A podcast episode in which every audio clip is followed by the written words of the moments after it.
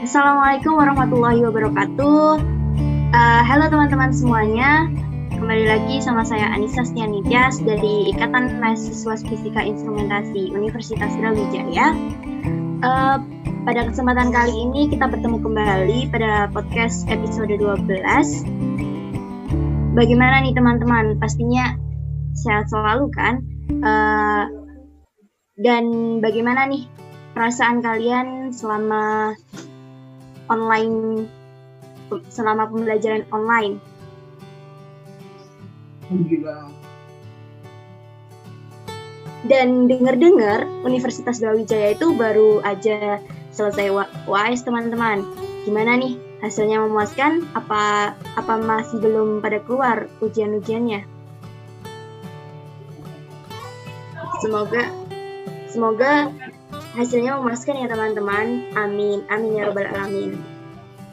Di kesempatan kali ini uh, kita kedatangan mahasiswa angkatan 2020 yang dia akan membagi informasi mengenai robotika, peran robotika dalam instrumentasi sendiri. Halo, selamat sore. Halo, halo, halo, selamat sore. Bisa diperkenalkan Kak dari mana, nama siapa? Oke oke oke. Uh, perkenalkan semuanya seperti itu. Assalamualaikum warahmatullahi wabarakatuh. Uh, perkenalkan nama saya Riko Adi Riko Adi Santoso dari Instrumentasi Angkatan 2020. Gimana nih kabarnya semuanya? Wah, sehat dong Kak. Alhamdulillah. Gimana Kak dengan hasil nilai UAS-nya? Ya, alhamdulillah kurang lebih seperti itulah. Alhamdulillah ya, habis ini libur kok. Uh, Dengar-dengar nih, Riko sendiri ini bakal ngejelasin ke kita sharing-sharing mengenai robotika, peran robotika dalam instrumentasi itu sendiri. Tapi sebelumnya, uh, angkatan 2020 itu kan baru aja menjadi keating nih. Apa selama satu tahun itu udah uh, sangat jelas gitu tentang instrumentasi itu seperti apa atau atau malah cuman uh, ikut-ikut kuliah aja? Ya, ya kalau itu? ya kalau dari saya sendiri selama selama satu dua semester ini ya masih belum kenal lebih dalam sih tentang instrumentasi. Ya karena online juga karena belum tahu dosen-dosennya gimana. Dan eh, gedung-gedungnya pun belum tahu. Kan eh, beberapa kan mata kuliah kuliah mata kuliah itu kan online jadi kita tidak tahu seperti apa harusnya. Kan sulit juga gitu. Iya, iya, iya. Tapi dengar-dengar semester 3 itu bakal offline ya? Uh, gimana iya. sih uh, perasaan kamu mau mau diadakan offline?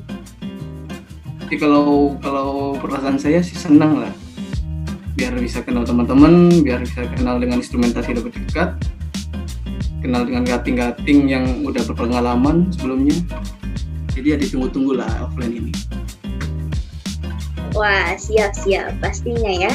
Didoakan saja semoga uh, universitas kita tercinta akan melakukan pembelajaran offline di semester 3. Uh, uh, langsung saja ya kak, kita membahas robotika. Uh, robotika itu seperti apa sih sebenarnya menurut pandangan Riko sendiri?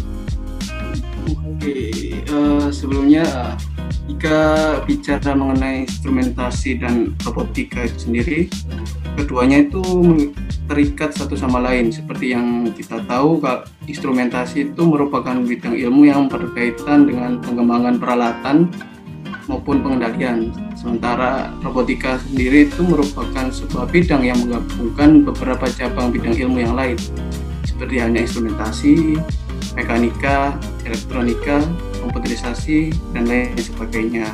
Tuh. Oh ya ya ya. Uh, sebelumnya kalau boleh tahu nih di SMA SMA dulu dulu SMA atau SMK ya? Uh, dulu SMK ya.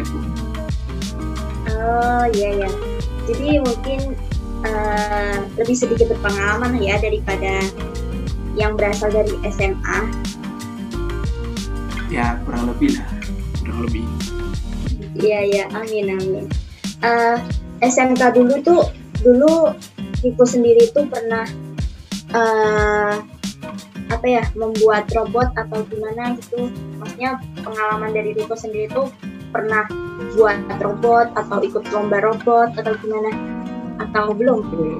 Oke, jujur kalau buat kalau bikin robot itu sendiri belum pernah ya kalau karena jurusanku di SMK itu berkaitan dengan TKJ, teknologi komputer dan jaringan. Jadi ya kalau uh, bikin bukan bikin namanya uh, buat program, buat programnya sendiri ya kurang lebih dasar lah pernah. Kalau lomba-lomba gitu belum, karena kan beda-beda bidang oh iya iya wah oke okay, oke okay, oke okay. uh, jadi robotika itu sendiri memiliki fungsi seperti apa sih Riko kalau boleh tahu? Oke robotika ya fungsi. Uh, robotika itu berfungsi untuk mempermudah manusia dalam mengerjakan suatu hal. Uh, di dalam robotika itu sendiri biasanya ter telah tertanam sebuah kecerdasan buatan yang yang mampu, yang mampu membuat robot itu dapat mengeksekusi, mengeksekusi suatu perintah secara otomatis. Tak hanya mengeksekusi sebuah perintah, karena adanya sistem kecerdasan buatan ini, robot juga dapat melakukan sesuatu dengan kehendaknya sendiri.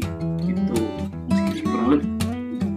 Oh, jadi gitu. Berarti Riko ini uh, sudah sangat berwawasan nih tentang uh, robotika itu sendiri. Nah, mungkin Riko bisa menjelaskan lebih dalam tentang robotika itu sendiri. Oh oke okay, oke, okay. mungkin mulai dari konsepnya. Uh, dalam dunia robotika itu terdapat empat konsep dasar atau bagian dasar yang harus dimiliki oleh sebuah robot. Yakni berupa sensor, ada kontrol, aktuator, dan juga power. Eh, sensor sendiri itu pada robot berfungsi sebagai perangkat masukan seperti untuk mengukur maupun merasakan sesuatu. Sensor ini juga bekerja seperti seperti layaknya panca indera pada manusia. Contoh dari sensor ini mungkin uh, yang umum ditemukan itu sensor suhu, sensor cahaya, sensor jarak, dan lain-lain sebagainya. Selanjutnya ada kontrol sebuah robot juga harus memiliki bagian kontrol, di mana bagian kontrol ini berfungsi untuk memproses data dan akan menghasilkan output berupa instruksi maupun berupa keputusan untuk melakukan satu hal. Nah, kontrol bagian kontrol ini mungkin berupa komponen IC ya, bukan komponen IC atau bisa dibilang kecerdasan buatan. Uh, selanjutnya ada aktuator. Aktuator ini terdiri dari perangkat-perangkat mekanik yang berfungsi sebagai output yang bertindak untuk mengeksekusi perintah dari bagian kontrol. Aktuator ini bisa merupakan bagian-bagian seperti kayak kalau kita ibaratkan manusia itu tangan atau kaki atau gitu gitu terus ada yang terakhir ada bagian power bagian power ini sangat penting di mana bagian ini berfungsi untuk menyuplai tenaga pada komponen yang terdapat pada robot. bagian power ini harus sangat diperhitungkan karena tiap perangkat mendap harus mendapat suplai daya yang ideal. Nah, terus kalau sebelum kita mau membuat atau belajar membuat atau belajar merancang sebuah robot, kita harus tahu kalau di dalam robotika itu ada namanya hukum robotika. Nah, hukum hukum robotika ini ada yang pertama robot tidak boleh digunakan untuk mencer mencederai ataupun melukai manusia ataupun makhluk hidup yang lain kecuali untuk tujuan tertentu di research atau yang lain. Terus kedua, ada robot harus menuruti perintah yang diberikan oleh manusia kecuali jika perintah tersebut bertentangan dengan hukum yang pertama. Terus yang ketiga dan yang terakhir ada robot harus melindungi dirinya terhadap segala hal. Nah, selama selama tidak bertentangan dengan hukum pertama dan kedua. Uh, hukum robotika ini harus kita pegang dalam kita belajar maupun membuat membuat robot itu sendiri. Dan setelah kita bela belajar mengenai hukum tersebut, uh, kita harus belajar mengenai klasifikasi robot secara umum secara umum terdapat empat klasifikasi robot itu sendiri, yakni non-mobile robot, mobile robot, gabungan non-mobile robot dan mobile robot, serta robot humanoid. Nah, apa sih apa sih dari uh, apa sih itu? Nah, yang pertama non-mobile robot itu merupakan jenis robot yang tidak dapat berpindah dari posisinya. Namun robot tersebut hanya dapat menggerakkan beberapa anggota badannya Nah, non mobile robot ini itu sendiri tetap berada dalam satu posisi. Namun bagian tubuh yang lain itu bisa digerakkan. Nah, selanjutnya ada mobile robot. Mobile robot itu merupakan jenis robot yang dapat berpindah dari satu tempat ke tempat yang lain sesuai perintah yang di, yang diberikan. Terus ada gabungan antara non mobile robot dan mobile robot Robot jenis ini merupakan robot yang menggabungkan sistem dari jenis robot sebelumnya yaitu non-mobile robot dan mobile robot untuk melakukan tugas yang diberikan. Terakhir ada robot humanoid. Robot jenis ini merupakan robot yang dirancang seperti layaknya seorang manusia. Dan robot jenis ini dilengkapi dengan kecerdasan buatan yang tinggi yang modern yang dan mampu membuatnya dapat berpikir dan mengambil keputusan sendiri tanpa adanya perintah dari manusia. Nah, itu Anissa, seperti itu kalau menurut pandangan saya. Wah, keren sekali nih. Uh, berarti dapat di, dapat diambil kesimpulan bahwasannya robotika ini uh, suatu apa ya alat yang dia itu mempermudah manusia dalam mengerjakan suatu hal dengan dalam robot itu itu jadinya itu punya suatu sebuah kecerdasan buatan yang membuat itu dapat mengeksekusi suatu perintah secara otomatis. Wow. Uh, mungkin materi robotika pada episode kali ini uh, cukup sekian dan semoga bermanfaat untuk mahasiswa instrumentasi di seluruh dunia, di seluruh Indonesia, di mana pun berada. Uh, kami berdua undur diri. Terima kasih. Wassalamualaikum warahmatullahi wabarakatuh. Bye bye. Selamat jumpa di episode selanjutnya.